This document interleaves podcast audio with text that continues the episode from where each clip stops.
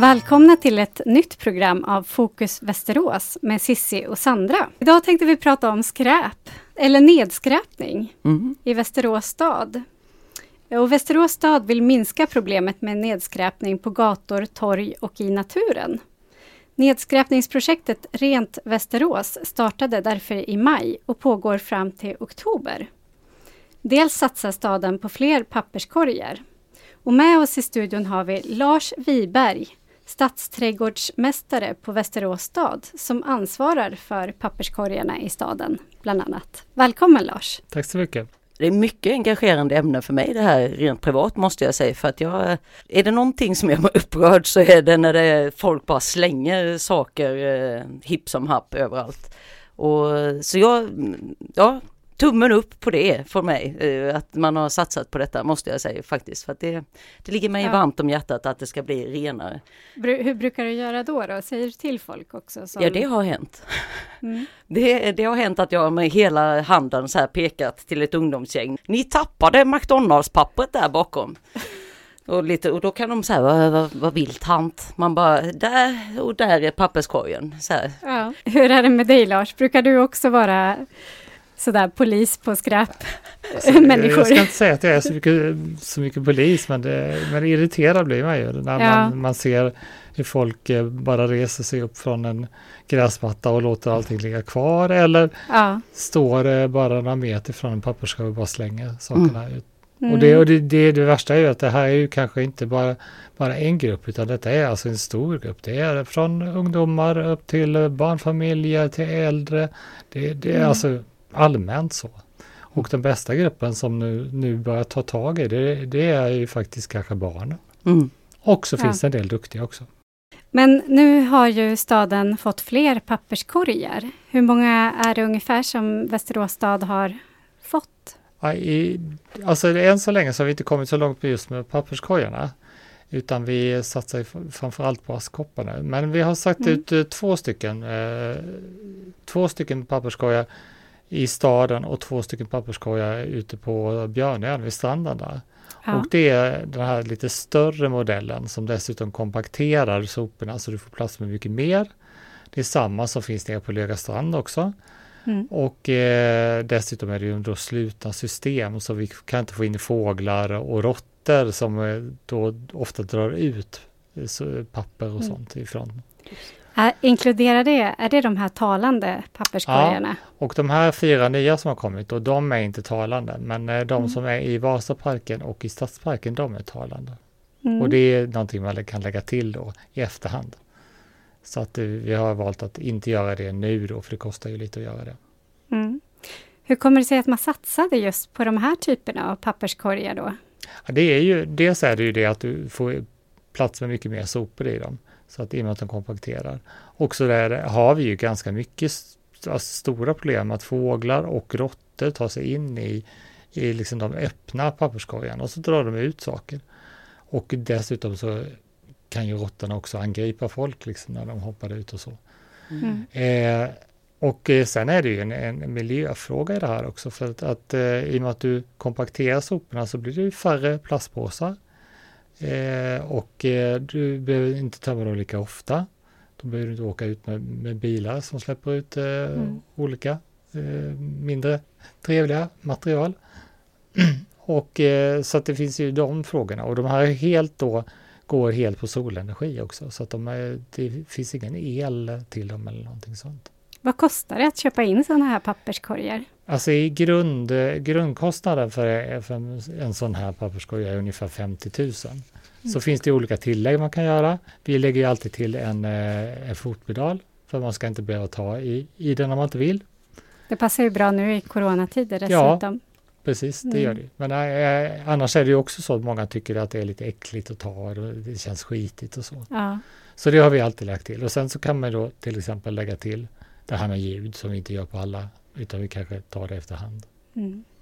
Hur kommer det sig att man har sådana här papperskorgar med ljud? Var, var, vilken effekt ger det på att vi, folk kastar ja, vi sopor? Hoppas ju att, uh, att det ska åtminstone få barn och eh, kanske ungdomar att tycka det är lite roligt och att man vill, man vill höra ljudet liksom och därför så, så går man och slänger.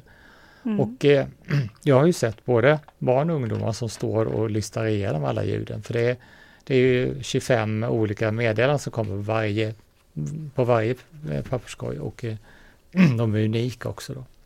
25 okay. unika, så det kommer inte på samma. Har du lyssnat på alla de meddelandena? Ja, jag har gått igenom dem när vi, när vi spelade in dem, men ja. sen har jag inte gjort det. Vad säger, ja. vad, vad, vad, säger de? Vad är det för meddelanden? Ja, det kan vara typ att, nu kan jag inte göra dem exakt, men det, men det är lite natur eller miljöfrågor. Det kan vara, jag tror det finns någon som heter att eh, fiskar eh, pratar genom att prutta eller någonting sånt där. Jag vet okay. inte, det kan vara lite fel, men det, är, det ska vara lite sådär, det är äkta, alltså det är sanningar men ändå lite, lite roliga saker. Mm. Cool. Ja, jag tänkte att vi skulle ta en låt här emellan. Och ni ska få höra på Kärleksvisan med Sarah Dawn Finer. Varsågoda.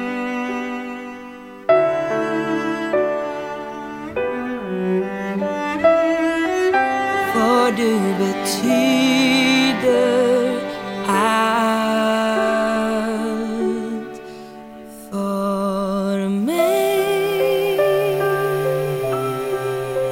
det var Sara Dawn Finer med Kärleksvisan. Vi har alltså med oss Lars Wiberg här i studion och vi är väldigt glada att du är här och berättar för oss om nedskräpning. Och eh, nedskräpning kostar ju väldigt mycket för kommunen. Kan du berätta lite om det? Mm. Jag har ju en, en totalkostnad då för, för eh, all nedskräpning eh, som vi har i hela staden då. Det, och det handlar om att vi plockar upp skräp efter folk. Och, men det handlar också om tömning av soptunnorna. De, de måste vi ha alltid. Men totalt sett kostar det ungefär 8 miljoner mm. varje år. Det är en väldigt hög kostnad. Ja, alltså det skulle vi inte behöva plocka skräp i den, alltså i centrum så går vi ju varje dag i de, i de, de riktigt höga intensiva eh, områdena. Där, vi, där plockar vi varje dag, en gång mm. om dagen. Och det, det är klart att det, det kostar, det tickar ju på. Mm. Vilken är den största nedskräpningsfaktorn? Man räknar med att det som är tobaksrelaterat och det innebär ju då snus, det innebär cigarettfimpar, det innebär också paketen som tillhör det här. Att det är ungefär hälften av all nedskräpning. Man, man kan mm. höra lite olika siffror, jag har hört ända upp till 60 procent och jag har hört 40 procent, så det ligger väl någonstans däremellan. Ja. Så, så det, det är väldigt mycket det. Ja, verkligen. Så cigarettfimpar är en väldigt stor bov i det hela? Ja, cigarettfimpar tycker jag kanske är den största boven i, i nedskräpningsfrågan eh, överhuvudtaget. I och med att det, mm. det handlar ju också om något mer bara än att det ser otrevligt att det är skräp i staden. För det handlar ju också om en miljöfråga. Mm. Men nu gör ni alltså en satsning emot det här? Att, det ska, att uppmana folk att slänga fimparna på rätt ställen? Ja.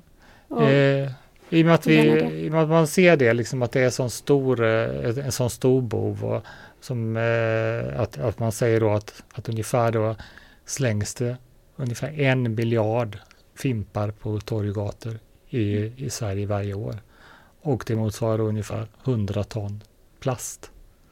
Och det är ju, eh, vi vill ju också minska plasten. Mm. Och det, detta är ett sätt att det är väldigt mycket mikroplaster som kommer ut på detta sättet. För när de förmultnar eller vad man ska säga, de blir mikroplaster så kommer det ut i, i Mälaren till exempel.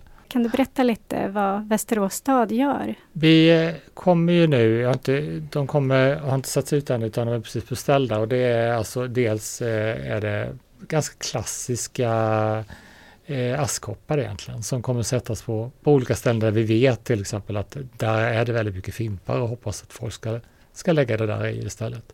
Mm. Och sen har vi en lite mer icke-klassisk sak som, vi, som heter Fimp, Fimpomater som är ett, ett projekt vi har haft med ett, eh, eh ett eh, företag heter FU? Företag? Är det Ung Företagsamhet? Ung, ja, UF-företag. Mm.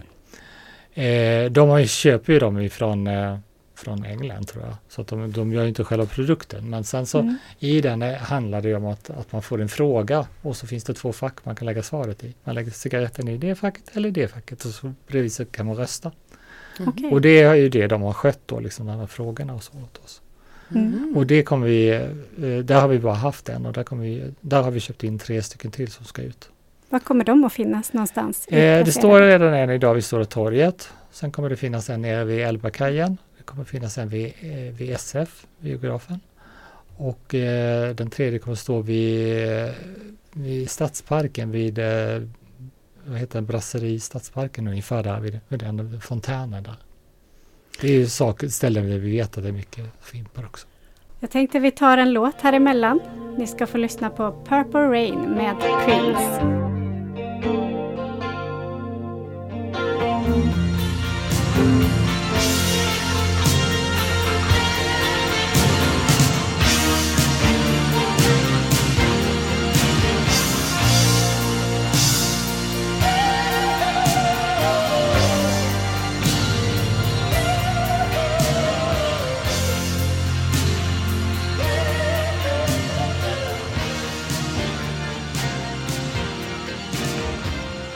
Ja, det där var alltså Purple Rain med Prince. Med oss här i studion så har vi Lars som är från Västerås stad och vi pratar om nedskräpning. Varför skräpar folk ner? Finns det någon, har du någon tankegång om detta? Alltså jag önskar att jag vet, skulle veta det, för det, det, är för mig en, en gåta fortfarande varför, varför man inte kan liksom plocka. Jag, jag kan tänka mig att en del slänger fimpar för de tror helt enkelt att det ska förmultna. Eh, men, men det borde man ju veta att det inte är. Ja. Mm. Men jag vet faktiskt inte. Jag, tror inte. jag tror inte de själva vet det. Finns det någon positiv trend ja, i det här? Faktiskt, och det, det är jättekul när det, när det, när det liksom finns folk som, som verkligen tar tag i det. Och det handlar inte om att plocka upp sin egen skräp, utan det handlar om att folk, det finns folk som plockar upp skräp efter annat folk. Och mm. det tycker jag är ju hemskt att det ska vara så, men det är en fantastisk eh, välgärning som vi har. Verkligen. Vad betyder det för Västerås stad att det finns ideella krafter som gör det här?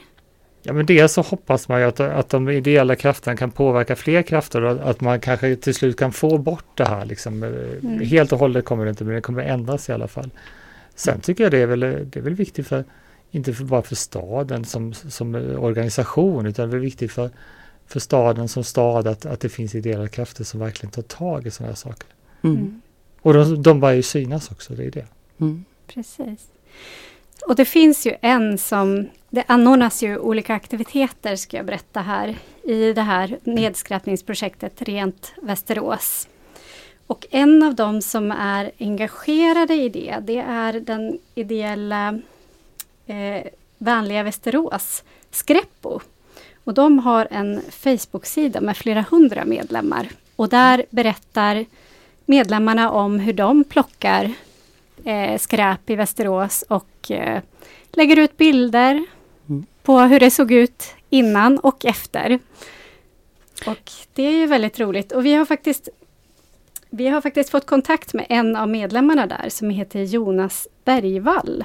Mm. Och nu ska vi ringa upp honom tänkte vi. Ja, Gör du så så kan jag flika in att jag faktiskt har träffat eh, en annan variabel utav eh, det här med att plocka skräp. Jag har träffat ett gäng magnetfiskare som plockar skräp från vattendrag och åar.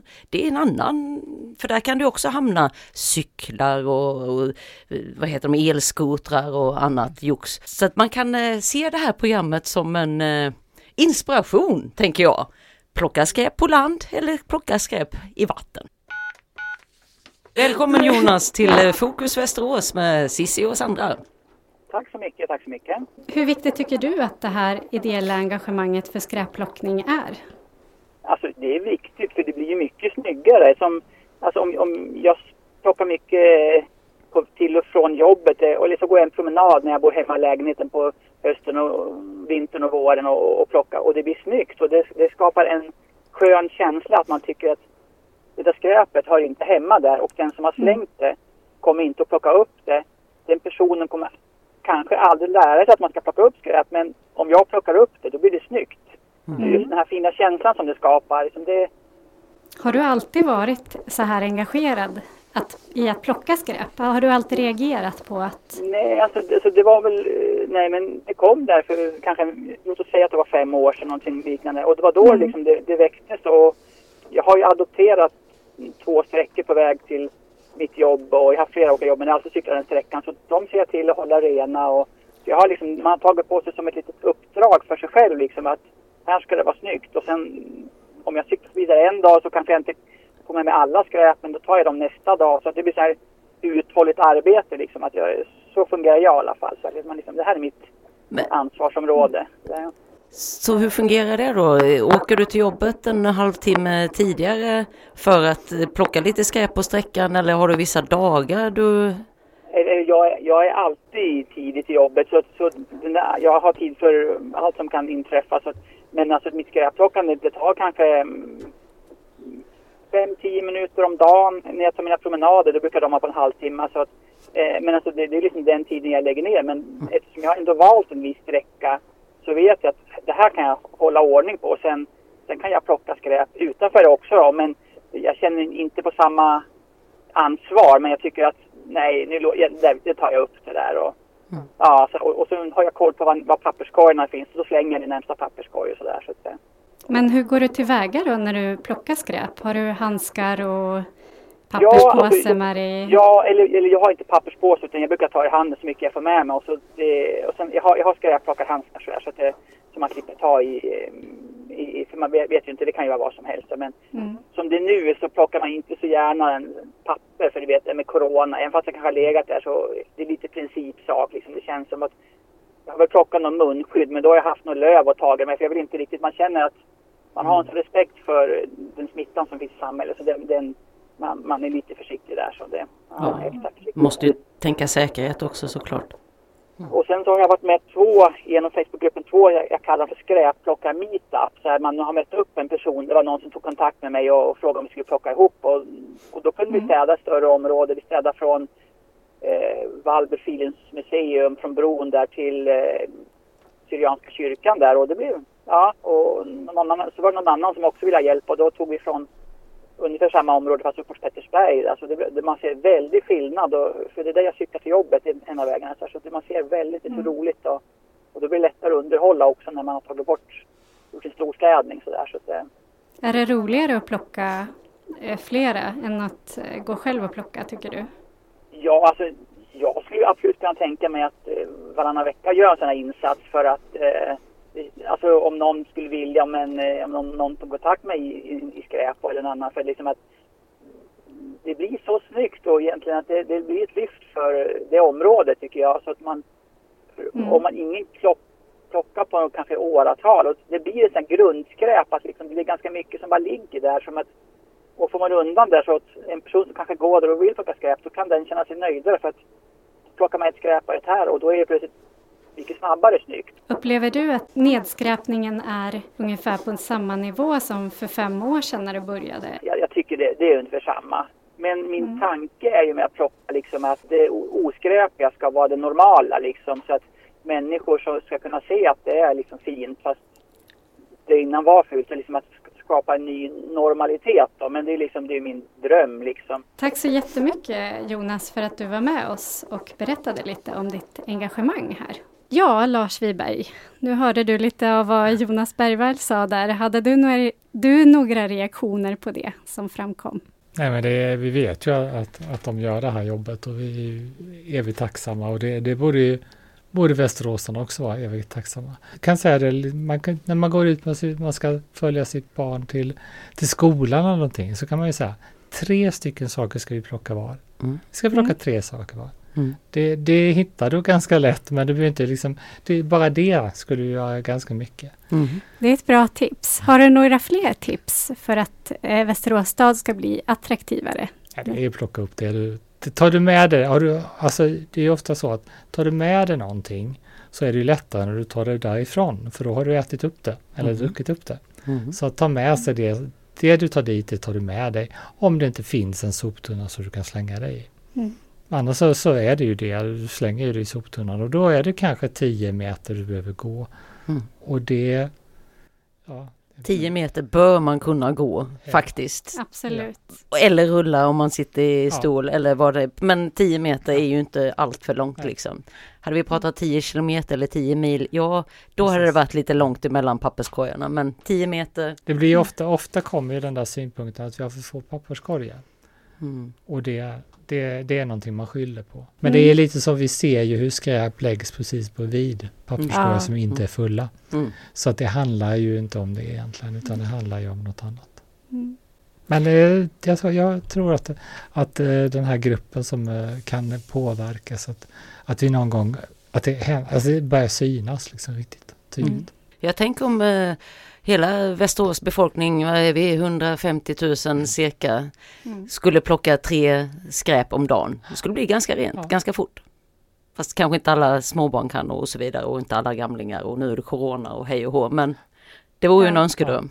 Man får tänka att man vill ha det lika trivsamt på allmänna platser som hemma i sitt eget vardagsrum. Man kan ju tävla om att plocka, vem plockar mest. Ja. Har en halvtimme på att plocka så ser vi vem som plockat mest. Tack så jättemycket Lars Wiberg för att du kom hit och berättade. Tack. Nästa program sänds måndagen den 19 oktober och då handlar det om cyklar och cykelstölder. Och redan inspelade program hittar du på acast.com. Kom ihåg att lyssna på Fokus Västerås din trogna vän i eten.